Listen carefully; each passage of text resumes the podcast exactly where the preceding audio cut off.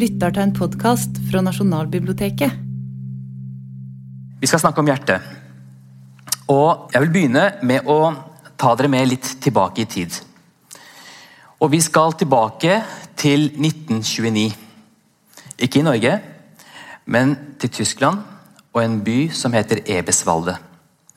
Og I den byen så skal vi inn på laboratoriet til en kardiolog som het Theodor Werner Forsmann. Forsmann han fikk en fiks idé.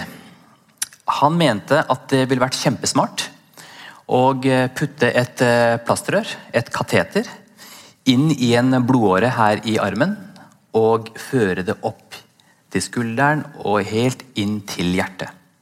Han var overbevist om at det var fremtiden. Tenk hva man kunne gjøre. Gi medisiner rett inn i hjertet. Eller ta blodprøver eller andre prøver inni hjertet uten å måtte sage opp brystkassa. Var antageligvis noe sånt man tenkte. Han var overbevist om at dette var lurt. Men i 1929 så var ikke dette her uten videre en god idé. Og eh, Kollegaene hans de fordømte dette, det de kalte for eksperimentet. Sykehusdirektøren han nedla et forbud mot denne forskningen til Forsmann. Nei, han fikk ikke lov til å drive med dette. Og Grunnen til det det var at dette her var farlig. Han kunne jo punktere en stor åre på vei inn og få en stor indre blødning. Han kunne utløse en farlig hjerterytme, utløse hjertestans og dø. Så han fikk absolutt ikke lov til å drive med dette eksperimentet her. Men Forsman han fornektet seg ikke. Han var overbevist om at dette var fremtiden. Problemet hans det var at det utstyret som han trengte for å utføre dette eksperimentet, det var låst inne på operasjonssalen. Og I og med at han var kardiolog, medisiner, så hadde ikke han tilgang til operasjonssalen. Det han gjorde da, det var at han eh, allierte seg med en operasjonssykepleier. En ung dame som het Gerda Ditzen. Og dette her var en ung sykepleier som var veldig opptatt av vitenskap og forskning og det skjønte Forsmann, så han fòret henne med artikler om nye vitenskapelige funn, om forskningen som pågikk rundt omkring i verden. Og, og vant henne gradvis over på sin side, og fikk henne til å hjelpe seg. Og Hun sa ja til å hjelpe ham, selv om det ikke var lov. Men hun stilte én betingelse. Og det var at kardiologen, den store kardiologen, han skulle ikke utsette seg selv for fare. Han skulle ikke utføre dette eksperimentet på seg selv, men på henne. Så hun var villig til å ofre seg selv eh, i vitenskapens navn og være med på dette, eh, dette farlige eksperimentet her. Ok, tenkte Forsman. Så gikk de sammen da til eh, operasjonssalen hvor de skulle utføre dette eksperimentet. her, Og endelig så hadde han tilgang til denne salen her. Han eh, la Gerda ned på en operasjonsbenk. Bandt hendene hennes og føttene hennes eh, litt sånn fast til eh, benken, og hun trodde at det var en del av protokollen. Og når hun lå der og ikke kunne røre på seg, så stakk han av. Dro inn på naborommet. For hva var det han ville ha? Jo, han var jo ikke interessert i Gerde. Han ville ha tilgang til den, det utstyret som var på operasjonssalen for å kunne utføre eksperiment. Så da gikk han inn på naborommet fant frem det utstyret han trengte. Skalpell, sutursett, eh, et eh, kateter, og han tok da et urinkateter. Og Dere har sikkert sett et urinkateter. Det er ganske tjukt. Og i 1929 så var det mye grovere. Og så la han en snitt i huden her på innsiden av eh, venstre albue. Dissekerte seg ned til en vene. Stakk hull på den, og så skjøv han kjapt kateteret inn i det hullet. Og Så begynte han å skive det mens han sto der. Innover og innover, og så gikk det opp og opp og opp. Og til slutt så sto det helt nedi hjertet hans. Så gikk han tilbake til eh, Gerda og sa se her, se hva jeg har klart. Uh, og han var jo, og Grunnen til at han ikke ville utsette henne, var at han skjønte jo at dette her var et farlig eksperiment. Og han ville heller ikke en måte, risikere hennes liv. Han ville gjøre det på seg selv. Og sammen, mens han hadde dette kateteret inn i armen og inn i hjertet, så ruslet de bortover korridoren og nød til røntgenavdelingen. Dette her skulle bli fødselen til all moderne kardiologi som vi driver med i dag. og også selvfølgelig det vi driver med og har drevet med i mange år her i Norge. Forsmann, selv om han ble fordømt til å begynne med, så fikk han etter hvert Nobelspris i medisin for dette eksperimentet her. Vi kommer litt tilbake til dette senere. Men vårt forhold til hjertet er jo mye eldre enn det. Eh, og eh, vi, har jo, vi forsto jo tidlig, tidlig at hjertet var et viktig organ, at det hadde noe med liv å gjøre. Men vi har i mange år, i flere tusen år, hatt en eller annen mystisk oppfattelse av, hva hjertet er. I dag så vet vi at det er en, det er en pumpe, det er mekanisk inn, det pumper blod rundt omkring. Men i mange år så var det noe overnaturlig, noe oversanselig. Dette her er noen av de første bildene vi har av, eh, som vi mennesker har laget av hjertet. Dette her er fra en sånn slags dødsseremoni i oldtids-Egypt. Hvor de hadde da tatt ut hjertet på den som var død, og la det på en sånn, på en sånn vektskål. Og veide det opp mot fjærene til en, eh, til en gudinne, rettferdighetsgudinnen.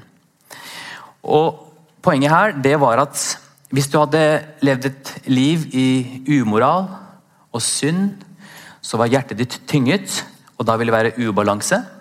Da ville det vært tyngre enn en fjærene. Det er det jo ofte. Eh, og Da går den vekta ned, og du kommer da til, eh, til helvete, eller hva du trodde på. Men hvis du hadde levd et godt liv, et moralsk liv, så ville det vært balanse mellom hjertet og fjærene til rettferdighetsgudinnen, og da kom du da til himmelen. De greske filosofene og skråstrek vitenskapsmennene skrev jo mye om hjertet. Og Ofte så brukte man eh, ord som eller Man beskrev hjertet som en kilde til varme og styrke. Et sted for følelser og tanker. Kraftsentrum for kroppen. Og Ofte så brukte man ord som ga hjertet en kosmologisk betydning, som f.eks. solen, konge, gull, altså elementer av høy symbolsk verdi. For vi hadde en oppfattelse at hjertet var noe opphøyet og noe hellig. Innenfor religioner så har hjertet som symbol spilt en stor rolle. I nesten alle verdens religioner så er hjertet nevnt. Men det er kanskje spesielt da disse to religionene, disse abrahamske religionene, kristendommen og islam, som i størst grad har brukt eh, hjertet som symbol. I Bibelen både i Bibelen, og i salmene og i Koranen så er hjertet nevnt flere hundre ganger. Ikke som et organ i kroppen, men mer som et symbol på tro, på fromhet, på ærlighet, på din forbindelse til det guddommelige. Slik at i religiøse tekster så har hjertet vært en sterk symbol. Men kanskje mest av alt i romantikkens verden. Og det er ikke lenge siden det var uh, valentindagen. Jeg håper jo at alle her kanskje en eller annen gang i livet har fått et uh, valentinskvarter, i hvert fall et kjærlighetsbrev, som var vanligere før i tiden.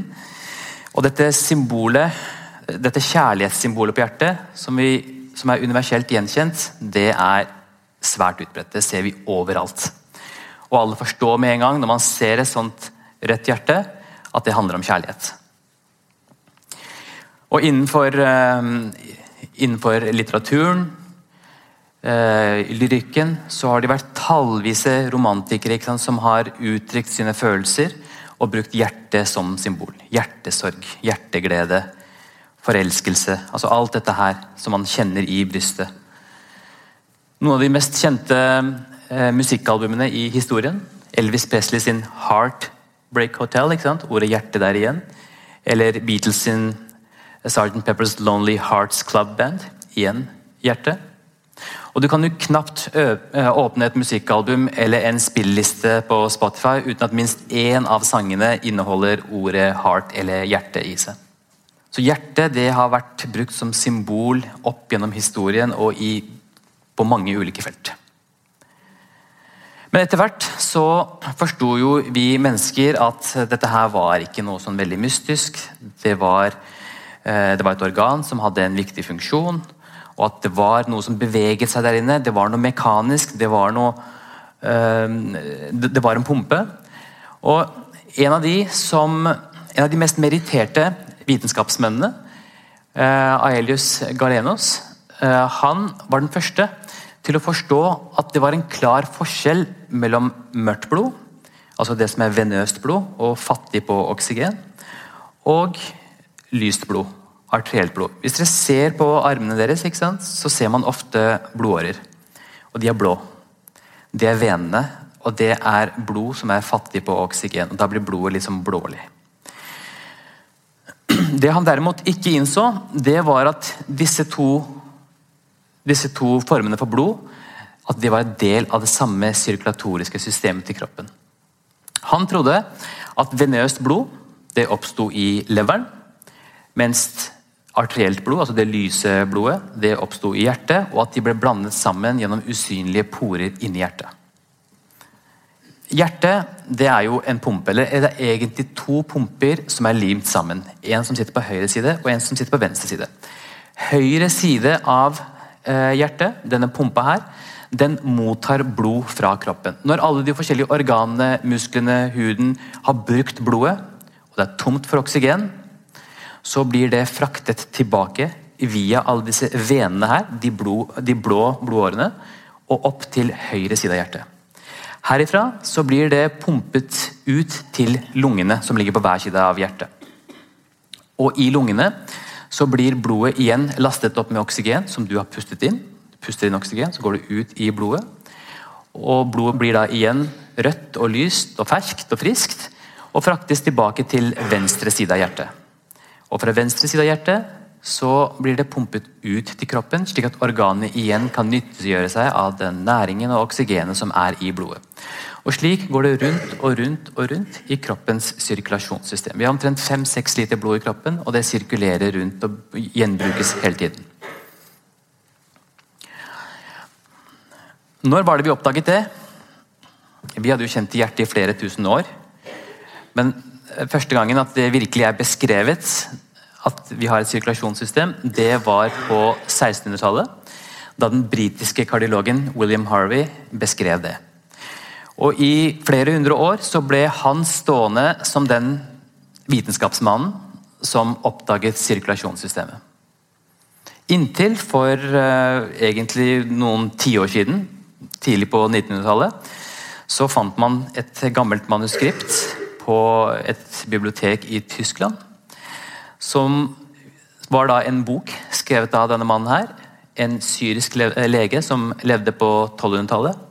Og Da fant man ut at han hadde jo faktisk beskrevet sirkulasjonssystemet allerede 400 år før Harvey.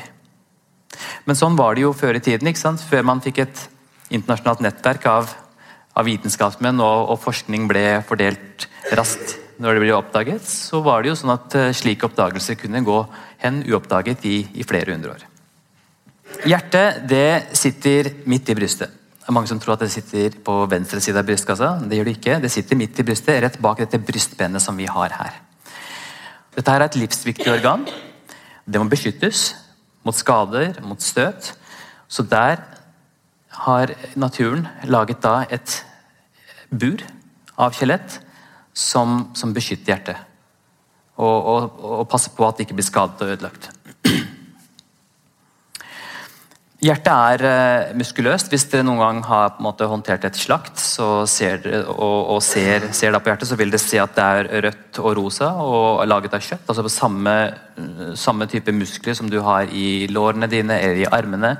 Og så er det et hult organ. Uh, består av forskjellige kamre fire kamre, to forkamre. Disse forkamrene skyver blodet ned til hovedkamrene. og Det er hovedkamrene som pumper blodet ut. Enten ut gjennom pulsåra og ut i hele kroppen, eller ut i lungepulsåra og ut til lungene for å få oksygen. Dette her er et syn som er ganske vanlig. Spesielt for oss som jobber på sykehus, men også for dere. Dette her har dere sett på, i, på nyhetene eller på forskjellige TV-serier eller filmer. Kirurger som står lent over en pasient og opererer hjertet. Slik har det naturligvis ikke alltid vært. Og Det som er interessant, det er at det å operere på hjertet, det begynte ikke vi mennesker med før inntil relativt nylig. Faktisk så sent som på slutten av 1800-tallet, begynnelsen av 1900-tallet. Grunnen til det, det er at vi hadde en oppfattelse sant, om at hjertet var noe, noe hellig, noe tabu. Og Dette gjorde at legene kviet seg litt for å operere på hjertet. Man turte ikke. Det som er artig, det er jo at hjernen, som er et langt mer komplekst organ enn hjertet, kan ikke sammenlignes engang. Der har vi mennesker hatt selvtillit til å operere i tusenvis av år. Dette her er en skalle som er 7000 år gammel, og her har man boret et hull her, såkalt trepanasjon. Og Gud vet hva de har prøvd å gjøre inni hjernen her, og hvorfor de gjorde det. Om det var kanskje for å kurere en hodepine, det hjalp nok ikke. Eh, eller om det var noe psykiatrisk lidelse, eller hva. Men av en eller annen grunn så hadde vi selvtillit til å gjøre noe sånt nå, mot vårt mest komplekse organ, men hjertet holdt vi oss unna. Men som vi vet, så har jo vi mennesker en voldelig historie. ikke sant? Vi har jo til alle tider slåss, og vi har stukket hverandre, og spesielt menn. Så stikkskader mot hjertet, det var ikke uvanlig. Og Hva gjorde legene og kirurgene når de fikk inn pasienter med stikkskader i hjertet? Ikke så veldig mye. Man la pasienten til side, og var pasienten heldig, så overlevde han. Øh, og stort sett så gjorde han det jo ikke. Og ellers så, så, så døde pasienten. Men dette her var vanlig. Og før eller siden så måtte jo legene begynne å operere på disse pasientene også. Man kunne liksom ikke bare la dem dø hele tiden. Og Det skjedde for første gang på slutten av 1800-tallet. Og Da var det akkurat en sånn scene som utspant seg et sted i byen. Eh, det var en ung mann som eh, lå på gata i en blodpøl. Så ble han funnet av noen forbipasserende, og de puttet ham opp i en eh, drosje og fraktet ham til sykehuset. Og En drosje på den tiden det var hest og kjerre. Så kom han til sykehuset, og, og, man kan lese den journalen som, som, legen skrev. Og legen skriver Det som er fascinerende, er at den, den legen han er nesten litt unnskyldende for at han, han, i det hele tatt begir seg ut på å behandle en sånn pasient. Liksom. Åh, at jeg beklager, jeg måtte liksom gjøre noe. Pasienten var kjempedårlig. Uh, det hastet, han var likblek, han var døende, pustet overflatisk. Jeg var tvunget til å uh, Men i hvert fall så gjorde man det. Og uh, Pasienten ble lagt på operasjonsbordet, fikk en narkose med kloromform. Som er, elendig, som er et elendig narkosemiddel det gir ikke noe særlig narkose, egentlig, men det var det man hadde. Og Så åpnet man eh, brystkassa på pasienten, og der var det veldig uoversiktlig. Det var blodig. Hjertet ristet og slo. og det, sånn er jo Hjertet Hjertet er jo det eneste organet som rører seg hele tiden. Det står ikke stille. Det er ikke noe man kan på en måte stå og operere i ro og fred. Eh, og, og blodet piplet ut. Men likevel så klarte kirurgen på nærmest magisk vis å finne frem til stikkskaden på hjertet. Og han fant at det var venstre hovedkammer, som er det viktigste kammeret i hjertet. At det var halvannen centimeter stort sår der, og blodet piplet ut derfra. Og Like utrolig som det er at han fant det, er at han også faktisk da klarte å sy et par sting og stanse blødningen. Så for første gang i menneskets historie og Nå bruker jeg store ord, men det er det grunn til. For første gang i menneskets historie så hadde en person fått reddet livet sitt fordi en kirurg hadde operert på et hjerte. Og Det er det da som kalles for verdens første hjerteoperasjon. Det skjedde i 1895. Det her er kirurgen. Og han het Aksel Hermansen Cappelen. Og da skjønner jo vi at aller først i verden, det var Rikshospitalet i Oslo. Norge var først i verden til å operere hjertet. og Det er jo et stykke hjertemedisinsk historie som, er, som ikke veldig mange kjenner til, egentlig. Grunnen til at mange ikke kjenner til, er at dette her gikk litt sånn uoppdaget hen i, i mange år. Fordi Det som skjedde med pasienten, det var Dessverre så gikk det ikke så veldig bra. da. Han overlevde operasjonen, men et par dager senere så døde han av en stor infeksjon i brysthulen. Og Sånn var det jo før antibiotikaens tid. Slik at av mange da, så ble dette ikke regnet som en vellykket operasjon, og derfor så fikk dessverre ikke Cappelen den velfortjente tittelen som altså verdens første operasjon på hjertet. Året etter, i 1896, så ble nøyaktig samme operasjon utført i Tyskland av en lege der. og Den pasienten overlevde og fortsatte å jobbe i mange år senere. Så i lang tid så ble Ludvig Rehn, den tyske kirurgen, kjent som den som var den første i verdenshistorien til å operere på hjertet. Men i senere tid så har det blitt korrigert, fordi man mener at dette her var verdens første hjerteoperasjon. Og det var i Oslo. Men selv om man nå hadde på en måte brutt den barrieren og skjønt at det går an å operere på hjertet, så tok det ikke av. Det var ikke sånn at Da fikk vi sånn ordentlig selvtillit og begynte å, å operere. For Problemet som jeg har sagt, det er jo at hjertet er et dynamisk organ. Det beveger seg hele tiden. Det er fylt med blod. Skjærer du litt feil, så spruter blodet ut, og, og pasienten dør i løpet av noen minutter. Så kirurgene måtte ha en eller annen måte å dirigere blodet vekk fra hjertet og få hjertet til å stoppe litt, slik at man i ro og mak kunne gjøre den reparasjonen eller den behandlingen man ønsket, for så å slippe blodet til igjen. Og Da var det en eh, amerikansk lege som da eh, hadde norske aner. Han het eh, Walton Lillehei som har gjort masse pionerarbeid innenfor hjertekirurgi og hjertebehandling generelt. Men han kom opp med noe som heter kryssirkulasjon. Og Det det gikk ut på, det var at man tok pasienten, og det var da et barn. Dette her var en metode for å operere på barn. Eh, og koblet da de store blodårene til barnet til en donor. En mor eller en far. Slik at hjertet til mammaen eller pappaen drev blodet rundt i kroppen til barnet. Og Da kunne man koble på en måte hjertet fri fra de store blodårene, slik at det ble blodtomt. Og Det ga kirurgen et vindu på noen få minutter, slik at man i hvert fall kunne gjøre noen enkle behandlinger. Og Det ble brukt for å spesielt behandle medfødte hjertefeil hos barn. En god del pasienter ble i USA operert med denne metoden her. Eh, og mange overlevde også, men også en del som, som døde. Og Det var ikke før i 1953 at man fikk den første hjerte-lungemaskinen, også borte i USA. At man virkelig kunne begynne å operere pasientene. For Da fikk man en metode for å bypasse blodet vekk fra kroppen til, til pasienten. Og kunne ta fatt på de store, vanskelige hjerteoperasjonene. Og Det var da vi virkelig begynte å gjøre disse tingene her. Det som vi kjenner til som bypass-operasjoner, dvs. Si hvis du har trange kransårer på hjertet. Kransårer det er disse blodårene, som, disse røde årene, som omkranser hjertet. Derfor heter det kransårer. Det er jo sånn at Alle organer trenger blod for å fungere. ikke sant? Leveren, musklene dine, hjernen din trenger blod for å fungere. Hjertet er også et organ, så hjertet trenger selv også blod for å fungere. Og Det blodet det leveres til hjertemuskulaturen via disse kransårene. Og Hvis disse kransårene går tett, så får man da hjerteinfarkt. ikke sant? Her er eh, pulsåra. Det er store pulsåra.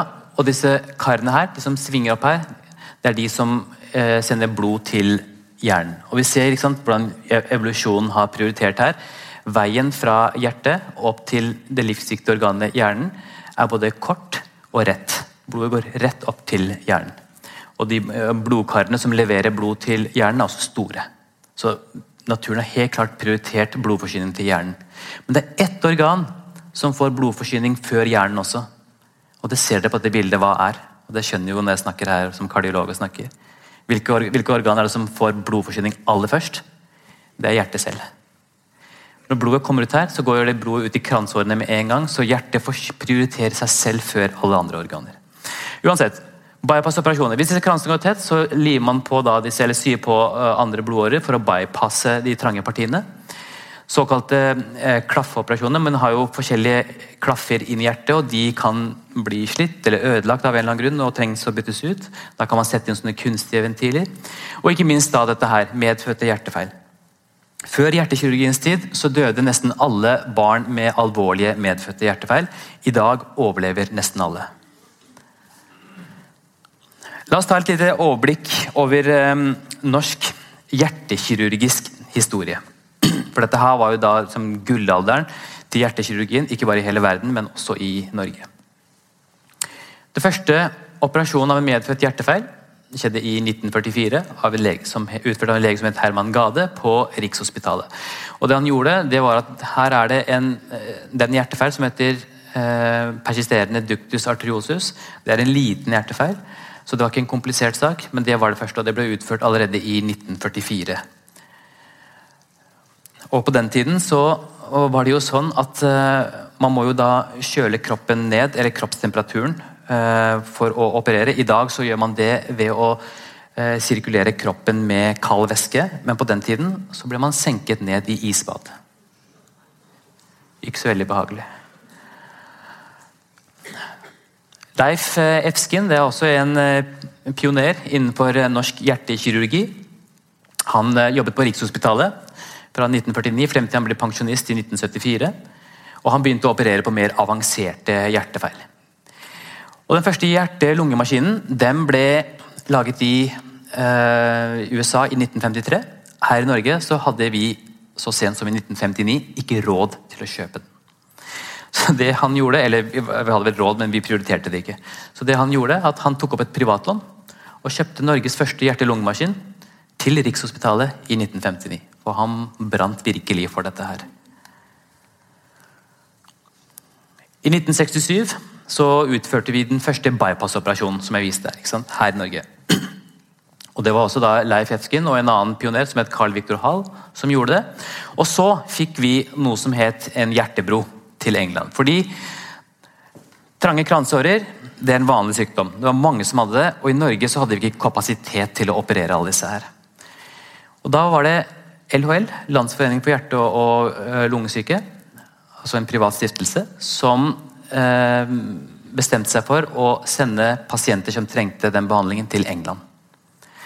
Så den Hjertebroen den ble etablert i 1978, og det var da delvis privatfinansiert fra LHL og delvis via gaver. Eh, og pågikk helt frem til 1990. Det er ganske nylig.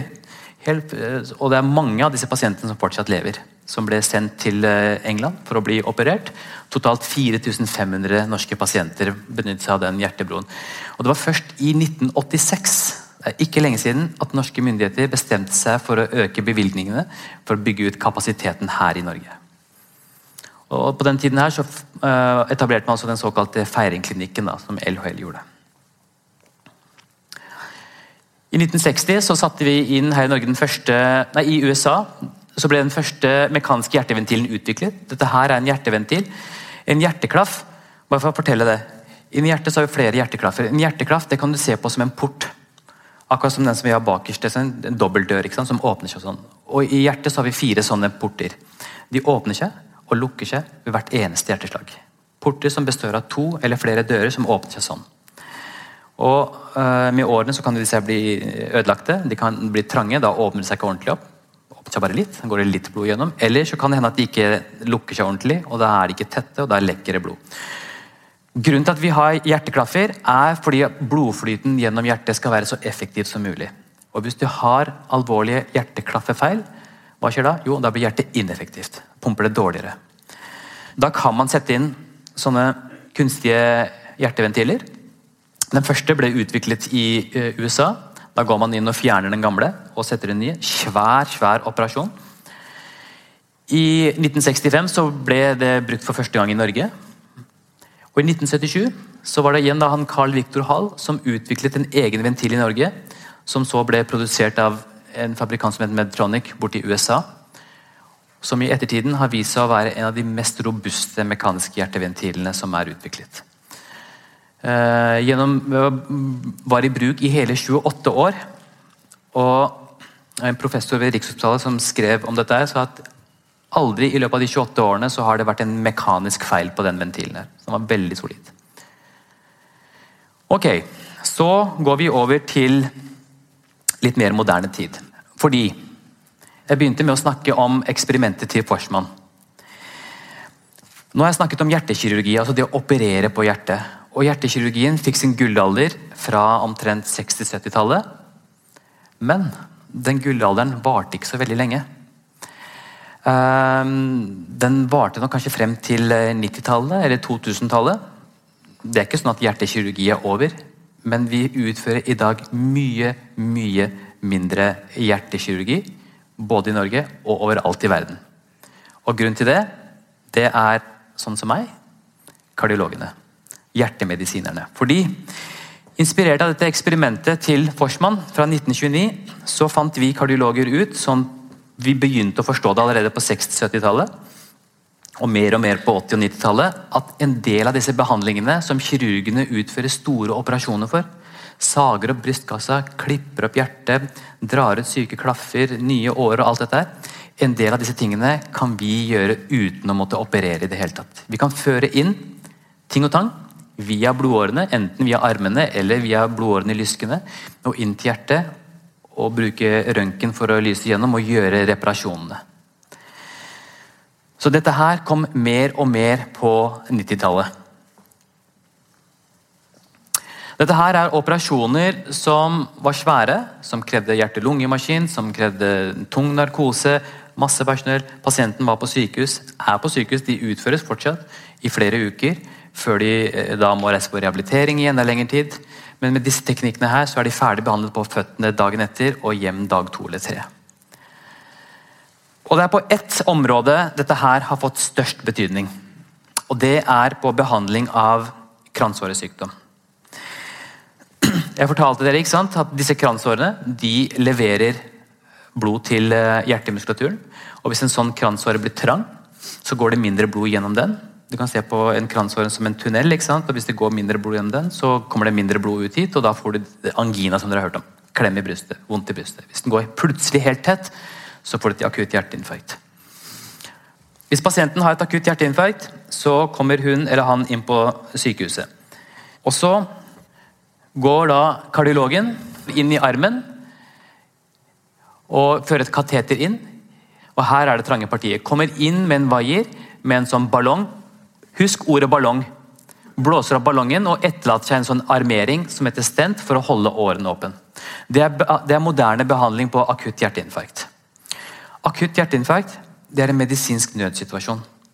Når den åra har gått tett fordi det sitter en propp der, så teller hvert eneste minutt. For hvert minutt som går uten at den åpnes opp, så dør litt av hjertemuskelen. Eh, og i verste fall så kan det føre til døden. Eller alvorlig hjertesvikt og store plager resten av livet. Når man har et akutt hjerteinfarkt, så må man være veldig veldig flink og man må være veldig, veldig rask, og man må åpne opp den åra der. Så er det noe da som heter door to balloon time, altså dør til ballongtid. Hva er det for noe? Jo, det er den tiden det tar fra en pasient med et akutt hjerteinfarkt trilles inn gjennom porten på sykehuset. Altså utgangen, eller inngangen på sykehuset. Da begynner klokka å gå. Og så er det den tiden det tar fra da man triller pasienten inn på en båre, gjennom sykehuset, gjennom de forskjellige korridorene, opp en etasje, videre i noen korridorer. Og så man, får man pasienten inn på operasjonsstua. Og eh, blir lagt, pasienten blir lagt på, på, operasjonsbordet. Og så må kardiologen surre seg til, gjøre seg klar. Eh, det må dekkes opp sterilt. Og så må man eh, finne den eh, blodåra eh, på armen som man skal gå inn i. Stikke inn utstyret inn der. Og så opp til hjertet. Lokalisere den trange åra. Og når man har lokalisert den, så må man inn i den igjen med en vaier. Blåse opp ballongen. Da stopper klokka. Fordi når man blåser opp ballongen, så har man åpnet opp åra igjen. Så dør til ballongtid, det skjønner dere da, det sier noe om kvaliteten på det senteret på det sykehuset. For alt det handler om logistikk.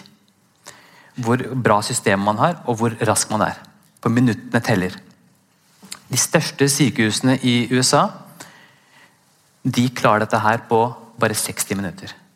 Altså 60 minutter fra pasienten kommer inn i porten på det sykehuset, til blodåra er åpnet og hjerteinfarktet ferdig behandlet. Jeg antar at de fleste av dere bor på Østlandet. Og Hvis dere får et akutt hjerteinfarkt, så blir det behandlet på Oslo universitetssykehus. Er det noen som vil gjette hva de har i dør til ballongtid? Når USA har 60 minutter? 17 minutter. Oslo universitetssykehus, og også andre sykehus i Norge, er raskest i verden på å behandle akutt hjerteinfarkt. Og jeg pleier å si at Skal du ha et akutt hjerteinfarkt, for det første så bør du ikke ha et akutt hjerteinfarkt. Hvis du skal ha et akutt hjerteinfarkt, så må du befinne deg sentralt på Østlandet. For da får du verdens raskeste og beste behandling. La oss se på det forholdet mellom Norge og verden. EKG, det apparatet vi bruker hvor vi kobler på kabler på brystet for å måle hjerteaktiviteten. Det ble første gang brukt i verden i 1903. Først i Norge kom det hele 13 år senere. Eh, Menighetssøsterhjemmets klinikk i Oslo. Hjertekateterisering, som jeg snakket om, med han eh, Forsmann, det ble utført i 1929 i Tyskland. Gikk hele 20 år omtrent før vi gjorde det i Norge. Hjerteoperasjon med bruk av hjerte-lungemaskin 1953 kontra bare tre år senere i Norge. Det var ganske kjapt. Permanent pacemaker. Aller første pacemaker er noe man litt, et batteri som man får operert inn i brystet. og Det er en behandling for de som har altfor lav puls. Så Pacemaker er behandling på lav puls. Og Hvis man har for lav puls, så blir man svimmel og sliten og dårlig. Så derfor må man pacemaker. Det ble utført for aller første gang i 1953 i Stockholm. Stockholm, altså Sverige var aller først i verden på å sette inn pacemaker. Vi i Norge gjorde det tre år senere. Ja. Koronar angiografi, det jeg viste, altså det å gå inn og se, ta bilde av kransårene 1958 kontra 1966. Bypass-operasjon er enten stjerne. Først i verden, det var også selvfølgelig USA, med 1967. Her i 1969, så var det ganske kjapt etterpå. Første hjertetransplantasjonen det var i 1967. Er det noen som vet hvilke land som var først i verden til å utføre hjertetransplantasjon? Det var selvfølgelig ikke Norge, for det ser vi her. Norge var i 1983. Sør-Afrika. Det var Sør-Afrika. Um, og Det var jo en stor konkurranse. Det var jo Amerikanerne som var på en måte pionerene. De ville jo være først ute, men det klarte de ikke. De ble slått av Sør-Afrika. Uh, PCI, dvs. Si det å blåse opp disse ballongene inni kransårene. Uh, første gang i verden i 1977. Fire år senere i Norge. ICD det er en sånn hjertestarter som man kan operere inn for de som har risiko for å få hjertestans. Det ble gjort i 1980 første gang i verden, og fire år senere på Ullevål sykehus. Bypass-operasjon og hjertetransplantasjon selv om vi ikke var først i verden, så var vi i hvert fall først i Norden. Norge var før Sverige og Danmark på disse tingene. Det er én ting som vi har eh, ligget helt i, eh, i verdenstoppen, og det er ultralyd av hjertet. Ekkokardiografi. Og, og, det føles da godt å kunne si at uh, den, sto, den, ene tingen kanskje som vi var bortsett fra den første hjerteoperasjonen, som vi har vært verdensledende i, den er det en kvinne som har stått for. Liv Hatle, som gjorde banebrytende arbeid eh, når det gjelder eh, ultralyd i hjertet eh, her i Norge på 70- 80-tallet, og har blitt publisert i store, anerkjente tidsskrifter og også fått, eh, fått eh, stor anerkjennelse internasjonalt. Og, eh, og, et sitat her. Historia om ultralyd i hjertediagnostikken er historia om en metode som etter en trang fødsel, enda som det den internasjonale kardiologen sin gudfar, Eugene Braunwald, kaller 'the most important development in cardiology since open heart surgery'. Det er ganske stort. Altså det største innenfor hjertemedisin siden, siden eh, hjertekirurgien. Det viktigste delen av denne historien skandinaviske og norske, og ikke minst da Liv Hatle, som er stor del av æren for det. Ok, Hvorfor driver jeg med dette her, og hvorfor driver jeg med YouTube eller skriver bøker om hjertet? Eh, det er jo som jeg ble fortalt at jeg brenner jo for formidling. Jeg liker å dosere ut eh, kunnskap. For jeg mener at økt kunnskap det gir pasienten en bedre forståelse av tilstanden sin. Og en bedre forståelse kan føre til bedre mestring, som igjen da kan gi bedre behandling og bedre helse. Og Det som er jo mitt mål når jeg driver med dette, her, det er jo at pasientene skal bli kunnskapsrike og sette legene på prøve. Og Det har jeg tenkt å gi dere litt her nå, helt på slutten her. Og snakke litt mer om kransåresykdom. Som sagt, som jeg har sagt flere ganger nå, dette er hjertet. Dette her, disse forgreningene her, de er kransårene. De leverer blod til hjertemuskulaturen. Du kan se på en hvilken som helst blodåre som en tunnel, og blodet som passerer gjennom åra, som trafikk. Og Hvis det blir avleiringer i åreveggen, så blir løpet trangere. Og Hvis det blir trangere i løpet, så går det mindre blod gjennom dette området her, og trafikken går dårlig. Det kan gå bra. Det er ikke sikkert at blir noe problem. Det er ikke sikkert at det blir noe smerter eller plager ut av det. Fordi det er jo fortsatt åpent. Blodet kan passere igjennom, og dette går bra så lenge pasienten er i ro.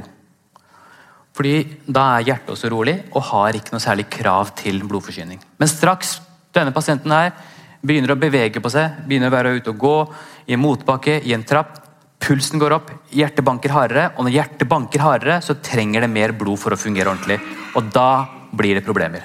Da får du det som heter angina. Klemmende smerter i brystet, som kommer ved anstrengelse, kan stråle opp til halsen og skuldrene. Og så går de over når du stopper opp og hviler deg, for da roer hjertet seg ned. Du har ikke samme kravet til blod lenger. Eller hvis du tar eh, nitroglyserin, ikke ring, eh, altså en hjertemedisin. Vi har også sett at eh, pasienter som får undersøkt kransårene sine med en sånn angiografi, at de har flere år som er helt tette, og det har de aldri merket. Dette er ikke et akutt hjerteinfarkt. Når en åre gradvis gror tett over mange mange år, så blir det ikke et hjerteinfarkt. Og Grunnen til det er at kroppen har et backup-system, og det kalles for kollaterale årer. Når denne begynner å bli trang, så registrerer hjertet at det kommer mindre blod her. Da vokser det til årer fra sidene i løpet av flere år og tar over blodforsyningen til dette området. her, og Da merker pasienten eller personen aldri at det ble en fortetning her. Men akutt hjerteinfarkt, hva er det? For det er også en tett åre. ikke sant?